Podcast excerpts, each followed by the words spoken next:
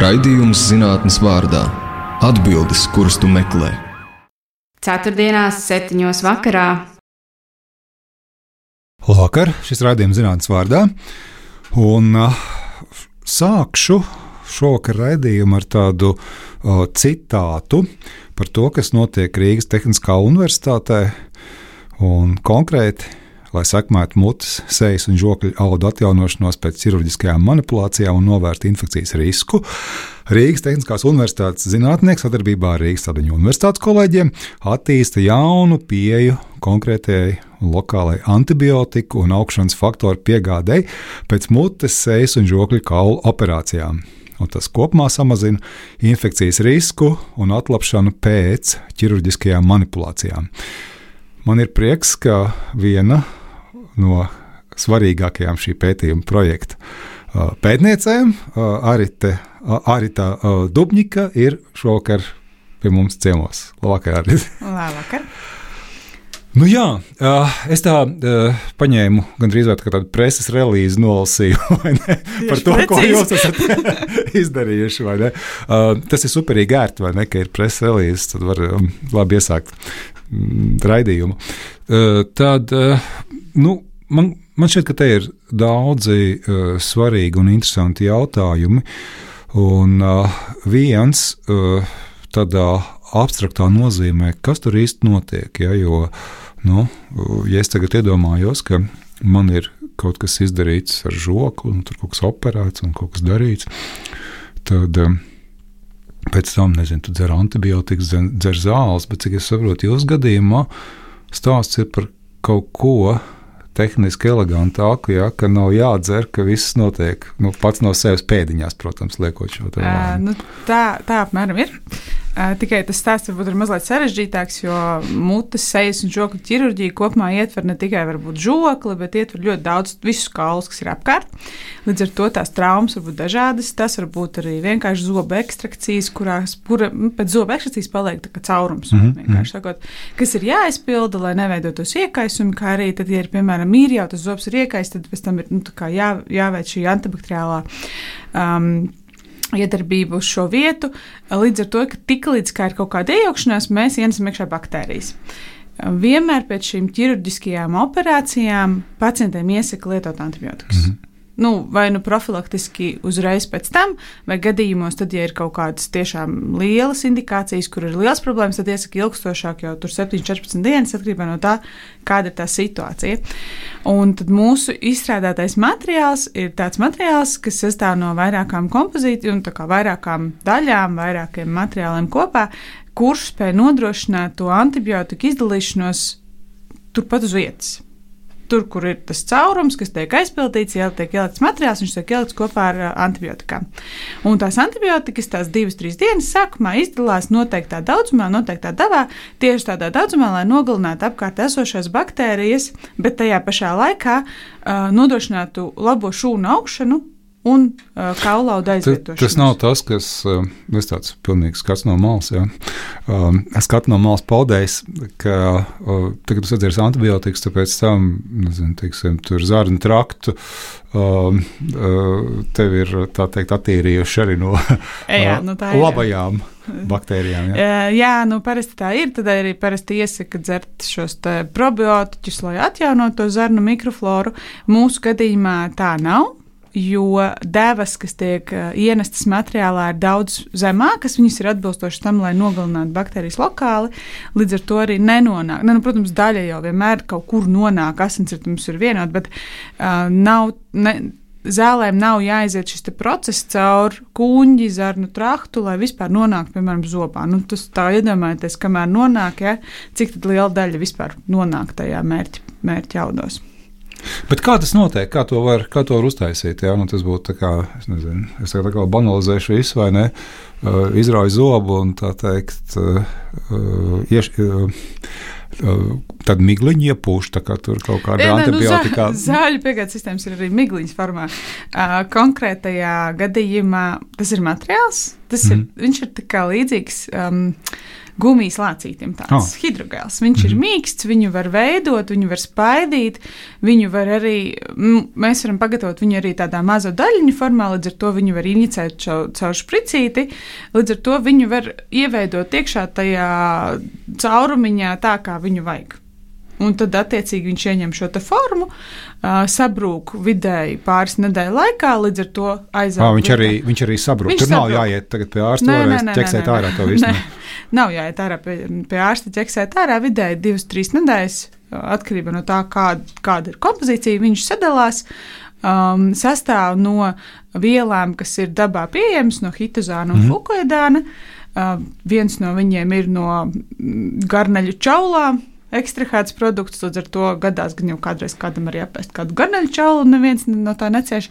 Un fukoidāns ir no jūras aļģēm, ko ļoti daudz arī lieto. Iesaka tagad lietot dažādu, nu, dažādu indikāciju. Kā, kā, jūs, kā jūs to izdomājat, ka tur vajag no tām garneļu čaulām un no jūras aļģēm? Eh, Hitozants jau ļoti sen tiek izmantots mm. zāļu piegādes sistēmu veidošanā, tādēļ, tieši tādēļ, ka viņam ir stabilitāte, kas nodrošina to sabrukšanu. Un, uh, mēs meklējām risinājumu tam, kā šķērsaistīt hitozānu tā, lai nebūtu jāizmanto ķīmiskie reaģenti. Un fukaidāns ir viens no šiem te reaģentiem, kas arī ir dabisks, kas ar hitozānu savstarpēji saistās. Um, Fizikāli, ķīmiski nav nekādas tā kā, nu, tādas mm, atsevišķa aģenta vai ķīmiskā viela, kas ir jāpievieno klāt. Līdz ar to viņi paši sasaistās, paši atver, sasaistās, atvienojās. Viss principā notiek it kā salīdzinoši vienkārši, bet nu, laboratorijā tas nav tik vienkārši. Tā kā kopumā tā sistēma ir būvēta, lai nebūtu neviena uh, rēģenta papildus, kas varētu ietekmēt, um, piemēram, citu toksitāti, lai būtu kaut kāds negatīvs efekts uz audiem. Bet tas jau notiek tagad, teiksim, ja, ja man tagad pēkšņi vajag, nezinu, kaut kādu to uh, ķirurģisko iejaukšanos, es aizēju uz uh, zobārstniecības klīniku vai es kaut ko tādu jau dabūnu? Vai, vai, vai Zāļu ir... piegādes sistēmas varētu būt, ka var dabūt. Konkrēti ne šo, ne hitozānu fukaidānu, varētu būt, ka var dabūt uz uh, sintētiskiem polimēriem balstīts, kas ir nu, vairākas klinisko pētījumu fāzes izgājuši. Uh, tas, ko noteikti var dabūt, ir otra daļa šai zāļu piegādes sistēmai, kas ir um, trombocītiem bagātais fibrīds, kurā iekšā ir augšanas faktori. To ļoti daudz šobrīd jau izmanto ķirurģijā, pie lielākām ķirurģiskām procedūrām. Tad mums arī ir sadarbības partneri Rīgas Stradiņu universitāte, kur ārsti arī, nu, visticamāk, šodien arī ir veikuši vismaz vienu, divas operācijas, kurās kopā ar materiālu tiek ielikts iekšā šis trombocītiem bagātais fibrīns. Trombocītiem bagātais fibrīns ir no mūsu paša asinīm mm. veidots autologs materiāls, kur tiek paņemtas asinis. Kas ir autologs? Autologs tas, kas ir tev, tevis paša. No. Tavs, mm. Ā, tad to arī uztaisa konkrētajam Jā. pacientam. Konkrētam pacientam tiek noņemts asinis. Nu, tad, tad, kad ņem analīzes asinīm arī pirms jebkādām kādām operācijām, tiek paņemts viena, viens šis centrifugas stopriņš vairāk un tiek uztaisīts no tā šis traumacitiem bagātais fibrīns. Un tas ir pavisam vienkārši, jo asinis centrifugējot noteiktā ātrumā, noteiktā laikā, mēs iegūstam atdalam nost fibrīnu un varam viņu izmantot kā augšanas faktoru, tādu kā noliktavu. Ko pēc tam tālāk pievienojot materiāliem, sajaucot noteiktās kombinācijās, var nodrošināt augšanas faktoru piegādi. Kā jūs visu to izdomājat? Kā jūs sākāt pie tā strādāt? Ja, jo, nu, es, jā, uh, ne, nu es saprotu, jūs droši vien nesākāt pilnīgi izdomāt tā, nezinu, tagad. Uh, aiziesim šodien pusdienās ar kolēģiem, tā, ko mēs tādu varētu, vai ne? Oi, man tā kā jāiet pie zobārsta, varbūt mēs tur kaut ko varētu padomāt. E, nu, dažreiz tā gadās. Ar zinātniekiem nevar zināt. Viņi gadās arī tādas interesantas idejas. Uh, bet nē, konkrētajā gadījumā ar um, trombocitiem bagāto fibrīnu mēs ar uh, Stradiņu universitātes kolēģi Ilzi Šāmu strādājam jau no laika, kad es to studēju doktorantūrā, kad mēs sākām jau nu, pirmos eksperimentus mēģināt un skatīties, kas sanāk, kas nesanāk, kā viņu var jaukt ar materiāliem, kā nejaukt. Tad, kad viņi it kā jau to darīja jau ķirurģijā, mēs mēģinājām izpētīt, kā tad īsti, kas tad īsti tur notiek, kāpēc mm -hmm. ir labāki rezultāti. Un uh, tad tā, tā paša materiāla būtība, kāpēc hitozāns un fukoidāns ir, um, ir tāda, ka um, kaut kādus dažus gadus atpakaļ uh, es sāku uh, vairāk skatīties uz zāļu piegādes sistēmām, kas ir balstītas uz tādiem bioloģiskiem materiāliem. Nu, tad arī izkristalizējās tie materiāli, kuri tad varētu būt tie, ar kuriem strādāt. Un tad sanāca arī tā, ka es iesaistījos vienā no kostu akcijām, kas ir tieši par dažādu mm -hmm. jūras um, augu, dzīvnieku izmantošanu gan, gan biometrā pētniecībā, gan medicīnā, gan farmācijā. Un tur runājot ar kolēģiem, mēs runājam, ka, jā, ka tas varētu būt interesants virziens un ka mēs varētu paskatīties, vai vispār to var izdarīt. Un tad tā kaut kā arī tā ideja dzima no vairākiem virzieniem salikt kopā mazliet. Kādas vēl tās zāļu piegādes sistēmas? Nu, es saprotu, jūs lietojat daudzskaitlī šo te vārdu. Nu, cik es saprotu, ir vēl kaut kāds veids, ja nu viens ir šis te, nu, tāds kaut kāds hidroskopisks materiāls, ja nu pēc būtības, kas. Uh, uzsūc zāļu devu, vai ne, un pēc tam pamazām atdod, un pēc tam pats pazūd no mūsu ķermeņa organisma. Ja? Uh, bet, uh, Ka, zāļu, kā, kādas vēl ir alternatīvas? Zāļu piegādes ir... sistēmas ir ļoti daudz. Nu, principā var ievadīt krēmveidā, var ievadīt daļiņu, var ievadīt porēnu materiālu, hidrogēlu, var ievadīt, kā mēs runājam, migliņas, pūšami, inhalējami. Um, ir zāļu piegādes sistēmas ir arī kapsulās iekšā. Pašās mm. kapsulās arī tagad orāli mēs norējam. Arī vienkārši tur, pamazām. Vienkārši tur arī pamazām dalās ārā atkarībā no tā, kāda ir tā kapsula izveidota. Tā kā principā tas var būt uh, jebkas. Tas var būt arī plāksters, ko mhm. ilgstoši mm. uzlīmējot uz pleca, uz roku, nu, jebkurā vietā lēnā, lēnā garā caur to ādu difundē cauri tās zāļu molekulas. Tā kā tas nav, nav tāds viens konkrēts tikai viens rāmis, kurā strādāt, tas var būt dažādi. Bet es gribu pavaicāt arī par uh, to, kā jūs uh, eksperimentāli to pētat, jo mm, nu, lai stādītos priekšā gan klausītājiem, un, un es arī īstenībā tāds pats klausītājs. Tā tad nu, nav jau tā, ka tagad jūs aizejat nezinu, uz Stradiņu universitātes klīniku un sakat, mīļie pacienti, mums te ir tāda pētījuma programma. Ja, Kurš gribētu ja, piedalīties, mēs jums par to 10% atlaidi iedosim, ja, vai kaut kā tamlīdzīga. Es pieņemu, ka tur nu, ir kaut kāda noteikta posma, kuriem jūs ejat cauri un kā tas īstenībā notiek? Uh, nu, īstenībā, lai tik līdz pacientiem, tas ir vēl diezgan nu, tāls ceļš ejams. Sākumā tas materiāls tiek izstrādāts laboratorijā, tiek pārbaudīts izēvielas. Tad, kad tas pats hitozāns vai fukodāns ienāk mūsu laboratorijā, mēs pārbaudām viņu kvalitāti, mēs pārbaudām procesu, kā veidot to materiālu, kā viņu jaukt kopā, kā varbūt apstrādāt, samaisīt. Um, nezinu, formēt nu, visas šīs nianses, kur varbūt vēl miljonus apakšā, vēl darbības, kuras varētu veikt. Un uh, runājot ar Stradiņu universitāti, tad ar ārstiem mēs izrunājam, kas ir tas, ko viņiem vajag. Mm -hmm. kā, kā mēs varam viņiem, ir, kas, to, kas ir tas, kas, ko viņi gribēs redzēt, kā gala produktu, ko varētu lietot. Un viņi mums ļoti palīdz arī ar šo fibrīnu veidošanu. Un, uh, mums ir arī etikas atļauja no Stradiņu universitātes, ka mēs drīkstam vienīgā vieta, kur mēs iesaistām varbūt pacientu kaut kādus paraugus, ir tad, kad viņiem jau ir veiktas operācijas un priekš viņiem ir paņemts tas fibrīns priekš viņa operācijas, mēs šo fibrīnu paraugu varam papildus pārbaudīt. Bet pašu piegādes sistēmu pacientos mēs neliekam tam ir vajadzīgs vēl papildus ļoti daudz atļaujas, lai to vispār varētu darīt. Bet kā to vispār dara? Nu, es nezinu, dzīvnieki. Jā, nu, tas ir tiek iziet, iziet cauri posms, cauri kliniskiem pētījumiem. Sākumā notestē laboratorijā, pēc tam notestē. Vai vispār ir īstā reakcija, kam, kam būtu jābūt? Jā, tad notestē laboratorijā uz šūnām. Mēs testējam arī uz baktērijām, lai redzētu šo antibakteriālo iedarbību. Mm, mm. Tad tālāk tiek testēts uz dzīvniekiem, Tad, ja dzīvnieku rezultāti tiešām uzrāda ļoti labus rezultātus, un tie ir labāki nekā zelta standarts šobrīd pieejamies, attiecīgi materiāls bez nekā, vai nu, cita veida materiāls, tad tālāk var pie, nu, veidot šo pētījumu uz kliniskiem pētījumiem. Bet, um, Līdz tam, lai nonāktu, ir jā, nepieciešams ļoti milzīgs gan finansējums, gan arī darbs un uh, ilgstošs process, lai to vispār varētu izdarīt. Un kā vispār iesaistīt cilvēkus tajos kliniskajos pētījumos? Es pieņemu, ka tas arī ir jautājums, kas daudziem varētu interesēt. Nu, teiksim, labi, jūs esat gatavi, visi iepriekšējie etapi ir izieti.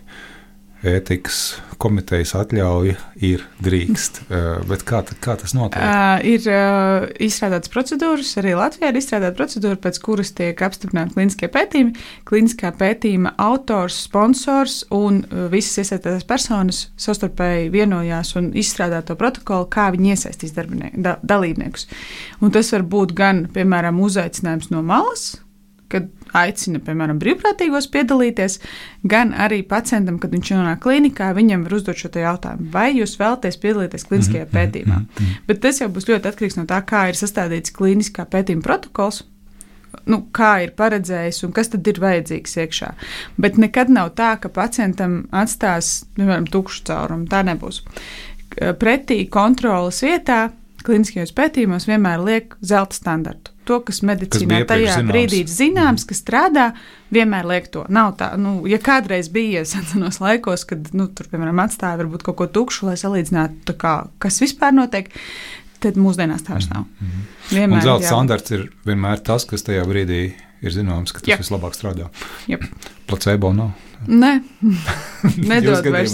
Tas, tas nav nekāds vakcīnu pētījums. Ja? Nē. jā. Uh, Es atgādināšu, ka šobrīd jūs klausāties uh, raidījuma zinātnes vārdā. Es esmu Ivars Austers un arī Dobņika no Rīgas Tehniskās Universitātes mums ir ciemos. Mēs runājam par to, uh, kā var pēc operācijas gadījumā zāles, konkrēti antibiotikas, uh, cilvēkam vajadzīgajā vietā, vajadzīgā daudzumā piegādāt. Bet tagad ir laiks, nu, kā jau mums te pierasts, redzējumā drusku muziku paklausīties. Labvakar vēlreiz, tātad redzējuma zinātnes vārdā. Arita Dubņika no Rīgas Tehniskās Universitātes, vadošā pētniece mūsu ciemos. Es esmu Ivars Austers. Un atgādināšu vēlreiz, ka mēs runājam par to, kā antibiotikas var uh, piegādāt. Uh, nu, primāri laikam uh, galvas ķirurģijas gadījumā, ja uh, vairāk vai mazāk ar žokli saistītā veidā. Uh, arī kā jūs pat līdz tam nonācāt, tagad pastāstiet, ja, jo man vienmēr gribās uh, raidījumos saprast, kā pētnieki nonāk līdz tām tēmām, ko viņi ar lielu aizrautību un uh, arī efektīvi pēc tam uh, pēta. Jā. Nu, es varbūt neteikšu atbildžu variantus priekšā, es pēc tam pateikšu, kādi. Kāds bija, kā, kādi, kādi bija varianti? kā es pati nonācu? Nu, vispār pētniecībā es nonācu jau, nu, jau diezgan labu laiku atpakaļ. Um, bet uh, tas ceļš bija tāds interesants, varbūt mazliet savādāks nekā visiem pārējiem. Es pabeidzu Latvijas Universitātē, studēju ķīmijas fakultātē, maģistrantūrā. Tad, kad es pabeidzu studēt maģistrantūrā, es strādāju nesaistītā darbā ar ķīmiju, nesaistītā darbā ar pētniecību. Un es domāju, nu, nē, nu, kaut kā, nu, nav. Un, un, un neiet tik labi, kad uh, varētu studēt doktorantūrā. Jā. Tas varētu būt lieliski. Un uh, es satiku Rīgas Tehniskajā universitātē lielisku profesoru Līgu Pērziņu cimdiņu. Un pēc tam arī vēlāk Dāniju Loču un Jānu Loču, kuri uzņēmās vadīt manu, manu disertāciju. Un tad, kad es sāku strādāt biometrā centrā, es sapratu, jā, nu, vismaz tur ir labi, man patīk, es tieku laboratorijā, es daru lietas, kas man padodas, un, un tā tā pētniecība aizgāja. Bet tajā pašā laikā tā pētniecība nav jau tikai laboratorijā sēdēšana, Mēs jebkurā brīdī, jebkurā laikā rakstam gan projektus, veidojam idejas, sadarbojamies ar dažnu dažādām institūcijām, gan Latvijā, gan ārvalstīs. Līdz ar to tas darbs ir tāds visu laiku mainīgs. Vienu dienu varbūt ir mazliet lēna diena, tad tā lēnām var kaut ko padomāt. Citas dienas atkal ir ļoti straujas, kad ir jāskrien, jādara, jārunā, jāraksta jānāk uz rādio studiju. Nu, tā. Cik es saprotu, uh, tas, tas darbs ir uh, uh, gan interesants, lai būtu prieks, ka tā izvēle tika izdarīta. Jā, nonākt šajā. Nu, pagaidām ir. nevar, ne. nu, nevar zināt. Pētnieki jau tādi mainīgi. Viņi jau var vienu dienu domāt, ka, jā, kad viss ir lieliski, un nākamajā dienā, kad saprot, ka tev desmito reizi nesanāk eksperiments, domā, Ai, nu, nē, nu, varbūt tomēr kaut ko citu varētu padarīt. Bet ko nozīmē sanāk eksperiments, ka, ka dabūna apstiprināt hipotēzi? Nē, nu. Vai vienkārši tehniski sanāk tas, ko grib izdarīt? Tehniski ir tā, ka, nu, tad, kad arī pēta kaut kādu vielu vai kaut kādu kompozīciju, tu tomēr gribi, lai tev sanāk konkrēts mm -hmm. īpašības. Un, nezinu, jaucot, sintēzējot un vērtējot šo produktu, tu saproti, ka nav.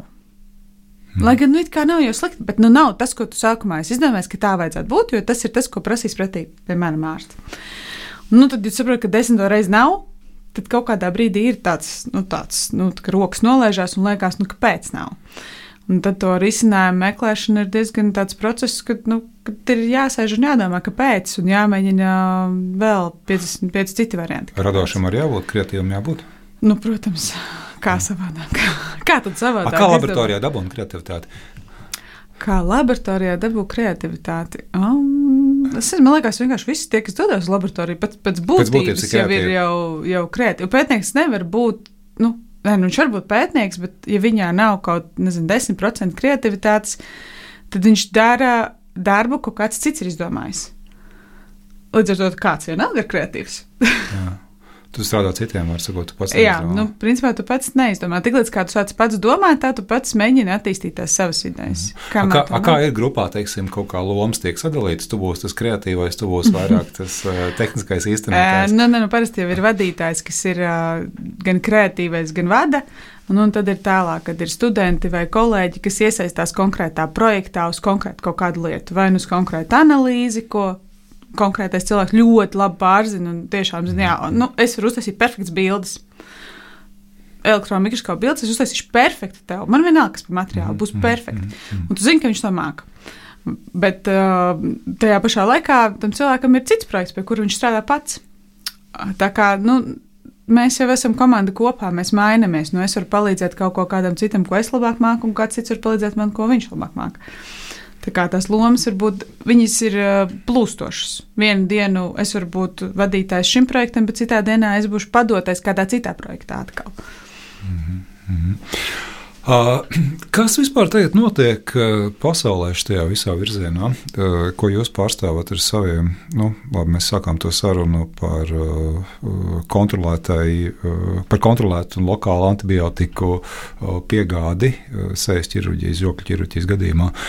Bet kas, kas, kas pasaulē ir tāds svarīgs, nozīmīgs šajā sfērā, tuvās sfērās? Kas ir tāds, nezinu Nu, Droši vien, ka uh, tas būtu pārāk augsts vērts, par ko Nobela prēmiju dot, bet uh, nu, kas, ir, kas, ka, ka, ka, kas ir tas, par ko visi sapņo un kas tikai dažiem izdodas? Jā, nu, ir tā, ka zāļu piegādes sistēmas kopā ar materiāliem šobrīd mums, mums piemēram, laboratorijā liekas, ka tiek pētīts ļoti daudz. Literatūras mm -hmm. ir ļoti daudz, ļoti daudz grupas pēta, mēģina attīstīt. Problēma ir tā, ka uh, ražotāji varbūt nav īsti gatavi uzņemties šo um, administratīvo slogu. Jo zāļu piegādes sistēma sastāv no divām lietām. Mm. Viņa sastāv no materiāla, kas uh, iet zem medicīniskās iekārtas, um, šīm visām certifikācijām, un viņa sastāv no zālēm, kas iet zem farmācijas. Mm. Līdz ar to te, šī te kombinācija kopā pakļaujās divām. Un ir ļoti maz tādu ražotāju, un kopumā ir ļoti maz tādi arī produkti, kas būtu gatavi uh, ieiet tirgū un attīstīt tālāk. Un tad, kad mēs arī braucam dažreiz uz dažādām izstādēm, kur mēs tiekamies ar ražotājiem, mēs viņiem jautājam, kāpēc. Mm. Saka, nu, Iedomājieties, tagad, lai mēs ietu cauri visai certifikācijai, tai pašai CE certifikācijai vai FDA certifikācijai, mums tas prasa trīs gadus.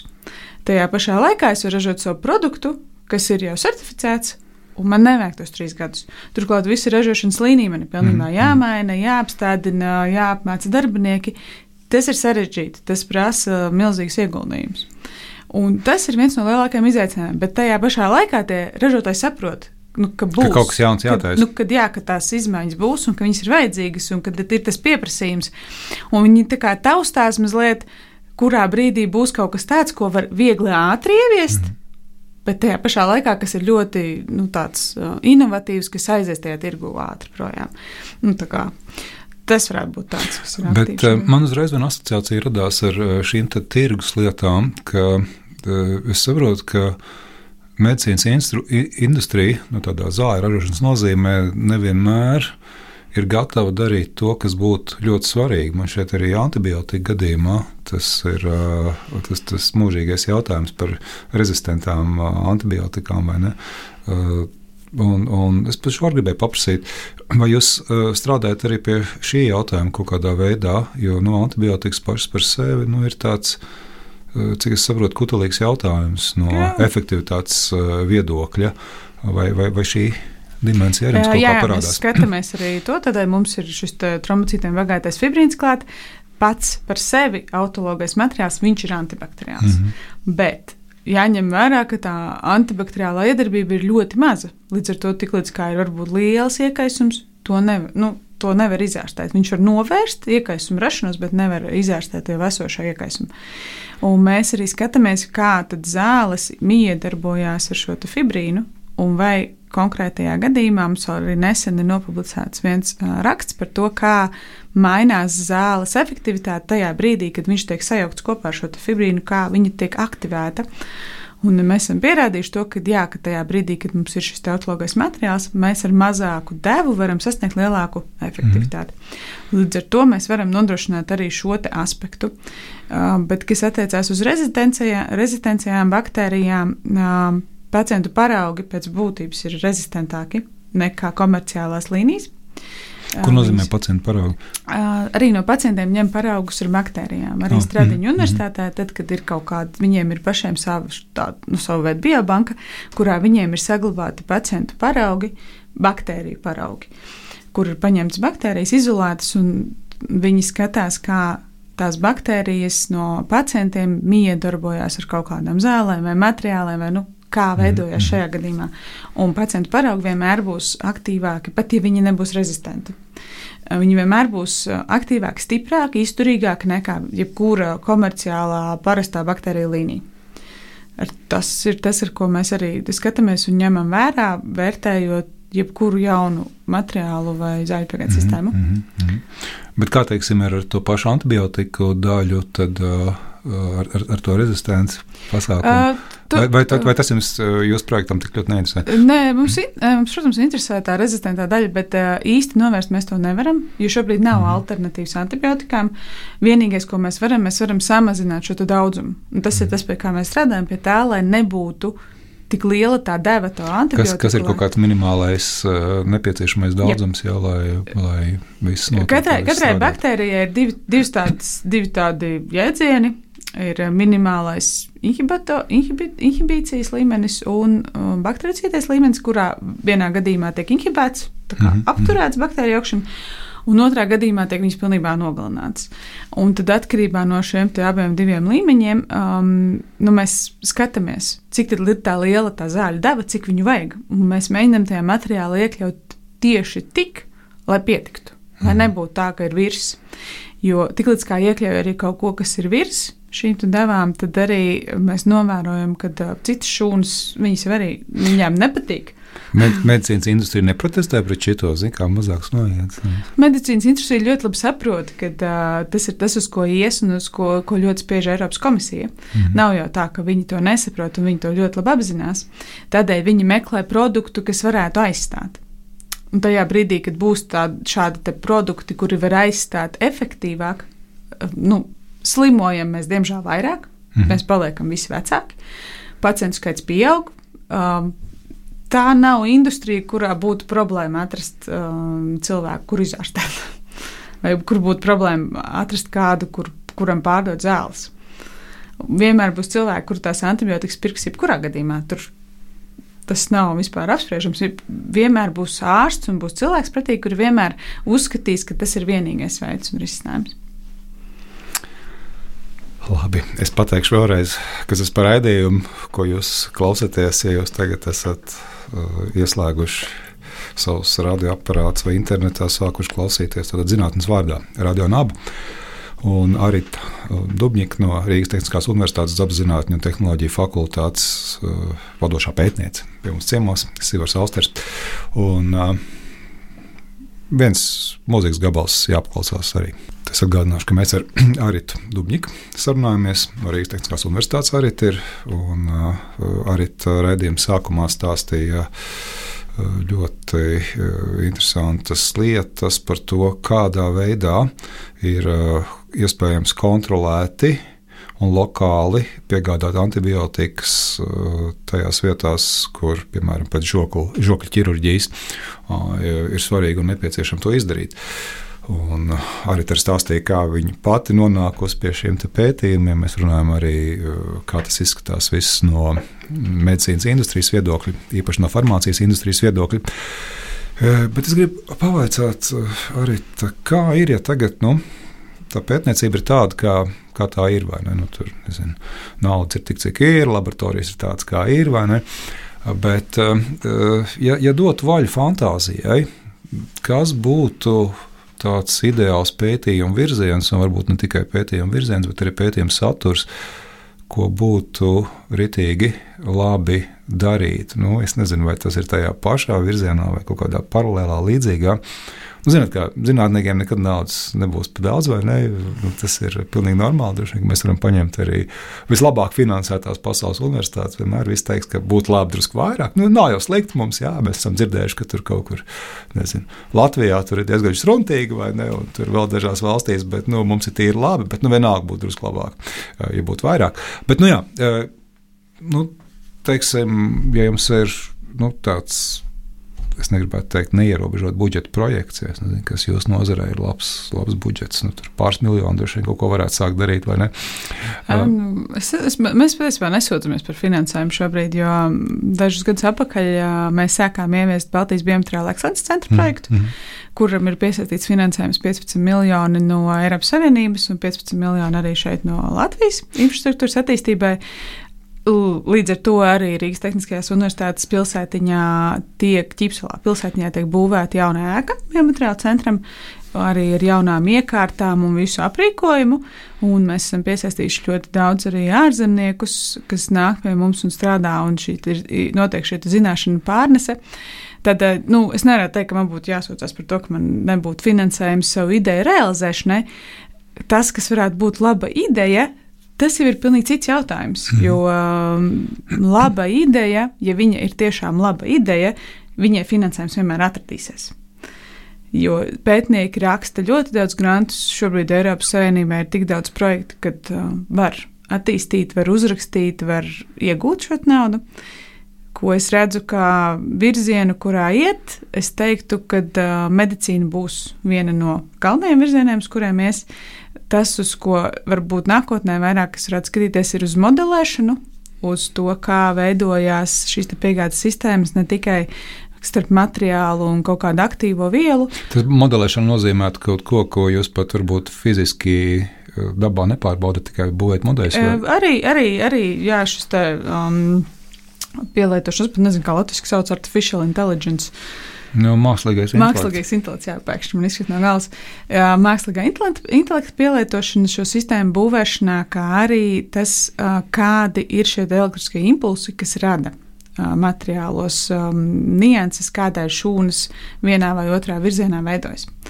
Tas varētu būt tas virziens, uz kuru iet, jo mākslīgais intelekts ļoti strauji attīstās. Es pieļauju, ka tas būs viens no tematiem, par ko runās ļoti daudz. Gan jau runā, un runās vēl uz priekšu, kā attīstās gan zinātne, gan pētniecība, izmantojot šos resursus. Jo mēs, tad, kad runājam arī ar ārstiem, um, mēs runājam par to, ka tagad ir iespēja veidot tās datubāzes tā, lai ārsti varētu piekļūt arī klāt citu slimnīcu datiem un mm. vērtēt un analizēt tos rezultātus, un nevis darīt to paši. Nu, Viendomājieties, ir asins analīzes, visvienkāršākais, un viņas ir miljonus cilvēkiem.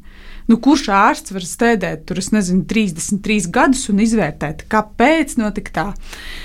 Nu, protams, ka mākslīgais intelekts to var izdarīt noteikti kaut kādā daudz ātrākā laikā un pateikt, re, kur viņiem visiem, kam bija leucīta augšā, viņiem visiem ir iekaisums.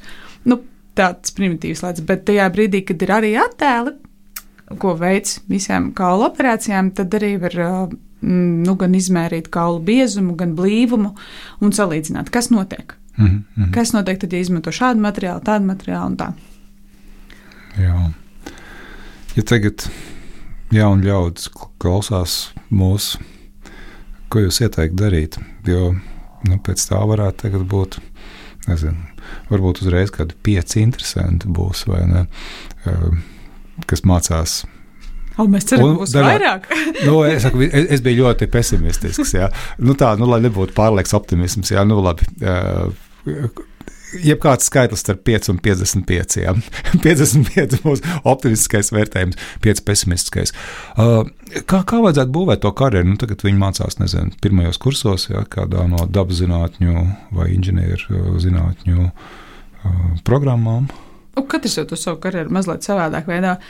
Tas, kas ir svarīgi, ir tas, ka uh, ir jāmaina tie, jā, nu, ne jāmaina, jākombinē zināšanas jo tās nākotnes profesijas lielākā daļa nesastāvēs tikai no vienas. Tas, ko mēs arī darām universitātē, mūsu kursu ietveros, ir tas, ka mēs kombinējam biomateriāliem kopā gan ķīmiju, gan materiālu zinātnē, gan bioloģiju. Lai varētu visus šos ciklus iziet cauri, lai tas cilvēks saprotu, kur viņš vispār ir nonācis. Un tas ir tas, kas būs arī uz priekšu, ja mēs skatāmies uz medicīnu, vai materiālu inženierzinātnēm, vai vēl kaut kādām lietām, kurā vietā tālāk tas būs jāizmanto, būs jāzina vairākas šīs sistēmas, vairākas nu, kaut kādas zināšanas, kas ir dažas pilnīgi varbūt dažādās jomās. Jo pie mums strādā arī medicīnas inženieri, mhm. pie mums strādā biologi, ārsti, farmaceiti, arī projektu vadītāji, arī patentu pētnieki, kas uh, raksta patentus, nu, ir ļoti, ļoti plašs klāsts, kā var strādāt zinātnē, bet varbūt ne gluži laboratorijā, bet nu, kā pa vidu kaut kur starp. Nu, bet es sapratu pēc tā, ko jūs stāstāt, ka darbs laboratorijā īstenībā proporcionāli sastāv nu, ne pašu lielāko laiku. Vai nu, tas ir ļoti atkarīgs no tā, kas, kas ir tas karjeras, kurā karjeras brīdī mēs skatāmies mm. šo. Tad, kad studēju doktorantūrā, tad, tad no rīta līdz vakaram laboratorijā. Nu, tad, tad, jā, tad principā darbs laboratorijā ir no rīta līdz vakaram, jo tu esi galvenais, tas, kas uh, testē tos mm. dažādus variantus. Tajā brīdī, kad tu kāp pa tām karjeras kāpnēm, nu, tad uh, darbs laboratorijā tā jau ir tāda privilēģija, jo tas nozīmē, ka tu vari. Tas ir vecie labie laiki. Tad, es atceros to laiku, kad mēs bijām jauni. Mēs... Nē, tad es šodien, mēs... šodien runāju arī ar kolēģiem, ja teicu, es šodien iešu uz laboratoriju. Nevienu nav es iešu. Jā, jā, jo. kad, ir, nu, kad ir kaut kāds varbūt mazliet klusāks tas periods, kad nav tik daudz varbūt jāiesniedz atskaites vai jāraksta projekti vai nu, jākomunicē mm. ar kaut kas ar studentiem, kad tu vari uzvilkt to halātu, uzvilkt cimdus, aiziet pats uz laboratoriju. Nu, notestēt kaut kādu savu teoriju, vai izdarīt kaut kādu nelielu lietu, ko tu sen darīsi. Ir tā, ka doktoranti daudz lietas lab, māk labāk izdarīt nekā. Protams, pilnīgi noteikti. Tas ir pilnīgi neapšaubāmi. Uh, jebkurš, kurš strādā laboratorijā vairāk un ikdienā, viņš šīs ikdienas lietas zinās daudz labāk. Jo Iejot laboratorijā, nu es jau, piemēram, neatceros, kurā, ka, kurā skapītī stāv kura kolba vai kurš trauciņš. Uh, cilvēks, kas tur strādā ikdienā, viņš zinās, tur tas, tur tas, tur tas. Viņš tas izdarīs trīs reizes ātrāk. Un roku veiklībai arī ir nozīme. Roku veiklība gan saglabājās. Tas ir kaut kas, tomēr, nu, varbūt sākumā, kas uh, man arī likās, ka, nu, jā, kā, kā tas būs, bet tajā brīdī, kad iet apakaļ, tad tā nav. Nu, tad tomēr tas tāpat kā spēlēt klavierus. Nu, tu tomēr atceries, vai braukt ar riteni. Tu tomēr mm. atceries, kā turēt rokās. Pirmā, pirmās vai... 15 minūtes bija neklausās, un pēc tam aiziet. Jā, padomā, bet kopumā tas, tas nav tas, kas pazust. Mm varbūt vairāk pazūd tieši tas mm, zināšanas, jo viss ir mainījies. Tas vairs nav tā, kā tu biji tur pēdējā reizē. Skola dabas zinātniekus labi sagatavoša. Es domāju, skola, nu, kā vidusskola, kā uh, nu, parasti parast sūdzās. Bet, nu, labi, es varbūt savādāk uzdošu jautājumu. Kā vajadzētu mācīt tā, tās lietas? Jo nu, parasti viss sūdzās, ka nepārāk labi. Nu, man šeit arī Tehniskā universitātē vadība ir teikusi, ka Eh, ir visādi papildus kursi, lai pamatlietas iemācītu, vai ne, ka atnāk cilvēki, kuriem gribās mācīties. Uh, programmās, kur vajadzētu matemātiku, labi zināt fiziku, bioloģiju, ķīmiju, nu kas nu kuros gadījumos, bet kad, kad tas pamats īsti nav. Tā, nu, ir, tā, tā ir. ir problēma, jā. Tā ir milzīga problēma, jo nu, nāk, nāk ļoti daudz jauniešu, kuriem šo pamatzināšanu nav, bet kuri ļoti labprāt apgūst un ļoti ātri apgūst. Nu, problēma droši vien jau ir tajā, ka uh, interesi par dabas zinībām nevar veidot no 10. un 11. klases. Tas jau ir stipri par vēlu. Tā interese par dabas, zinā, dabas zinībām un vispār par tiem ķīmiju, fiziku viņai jau jāsākās ir stipri ātrāk. Viņai jābūt jau tajā 5, 6 klasē. Citreiz mums pat viss, nu, tad, kad nāk uz ēnu dienām, vai tad, kad nāk uz zinātnieku naktīm, visaktīvākie, viss vairāk, kas iesaistās, ir mazie bērni. Viņiem visvairāk patīk, viņi ir visvairāk gatavi.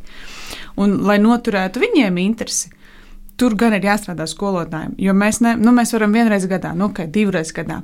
Labi, brauciet ciemos, būs trīsreiz gadā, mm. bet uh, ikdienā jau strādā viņi. Un tas, kā viņi rada to interesi par šiem priekšmetiem, tas ir viņu rokās. Un lielākajai daļai skolotāju varbūt patīk citi priekšmeti labāk nekā tā pati matemātika, vai ķīmija, vai fizika, jo tie nav tie vienkāršākie priekšmeti.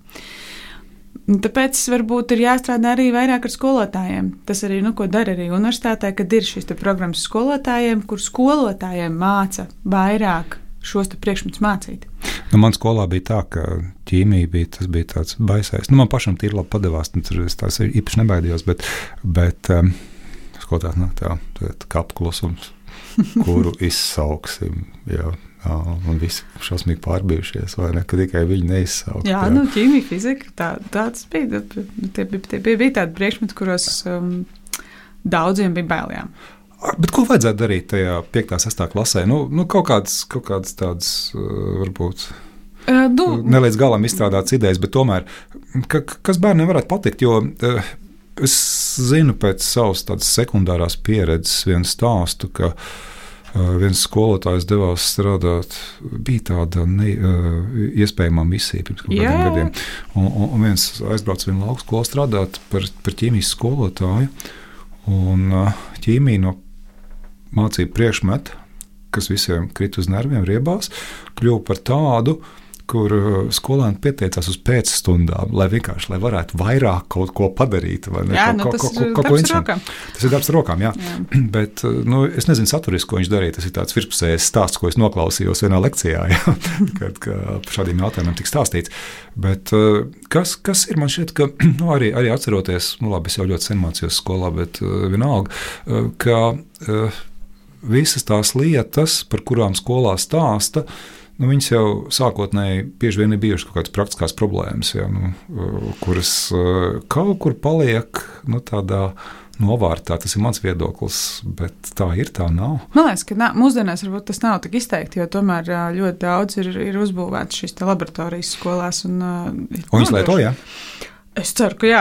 nu, jā. Man jāsaka, es pat arī daudz tā, ka nesen skolā mācījos, bet uh, cik skolās mēs esam bijuši, mm -hmm. viņi ir nodrošināti. Jautājums ir par paša skolotāja vēlmi iesaistīt bērnus.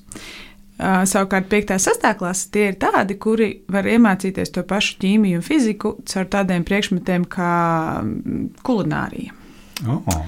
vai skriešana, mešana, nu, piemēram, fizikai. Īpaši nu, tur jāskatās arī uz to, ka vecākiem ir ļoti liela um, šī ietekme. Jo, ja vecāks pateiks, ārprātā ķīmija, kāpēc tā viņa jāmācās, man no viņas bail vispār ne, nemācīsimies kopā, lietas man mieru, uzreiz arī tam bērnam būs tas bloks. Um, savukārt, ja māma virtuvē vārīs zupu un izstāstīs, ka kāpēc redz ūdens vārās un kāpēc iemetot kartupeļus viņš vārās varbūt vairāk un burbuļo, vai kas notiek tad, kad mēs darām to vai sajaucam to, vai kāpēc uzkuļot, kāpēc mainās tam saldējuma krējumam tā struktūra no šķīdra uz tādu pufīgu, kas tur notiek, mm. vai kāpēc sažalēja mans galards. Nu, Tas, tas ir tādas primitīvas lietas, ko varbūt tas mazais uh, varēs redzēt savām acīm, pamēģināt, un viņš uzreiz sapratīs arī. Tas varētu būt tas, ko var mācīties, un tas, ko skolotāji var uh, darīt. No galērta līdz uh, šīm zāļu transporta sistēmām, ja kaut kā tam līdzīga. Nu, principā, jā, jo nu, žēlantīns jau pats par sevi arī ir ļoti dabīga viela, ko izmanto hidrogēlu veidošanai. Ir arī zāļu piegādes sistēmas, tās pašas zāles, kapsulas, kurām apkārt ir uh, kapsula no žēlantīna. Nu, līdz ar to nav jau tālu. Tā, nu, tas jau tikai mēs to varbūt neredzam tā ikdienā, kamēr kāds nepasaka, e, bet tas taču tas pats. mm -hmm. Piemēri, acīm redzot, nav tālu jāmeklē, jā, jāapskatās tikai apkārt. Uh, es teikšu paldies par ļoti, manuprāt, interesantu sarunu, kur mēs aizgājām no tā, kas Rīgas Tehniskās Universitātes laboratorijās pēdējā laikā ir tapis attiecībā uz zāļu piegādes sistēmām, ja tā to varētu saukt. Tad stāsts par to, kādā veidā piegādāt antibiotikas žokļu ķirurģijas gadījumā tieši īstajā vietā, īstajā daudzumā, pēc tam, kad tur kaut kas ir noticis. Un tad mēs sarunājamies ar Aritu Dubņiku, un paldies, Arīt. Jā, Paldies, Tad- bija šeit. jā. un redzējuma vadībās Austers. Vislabāk! Raidījums zinātnes vārdā - atbildes, kuras tu meklē. Ceturtdienās, septiņos vakarā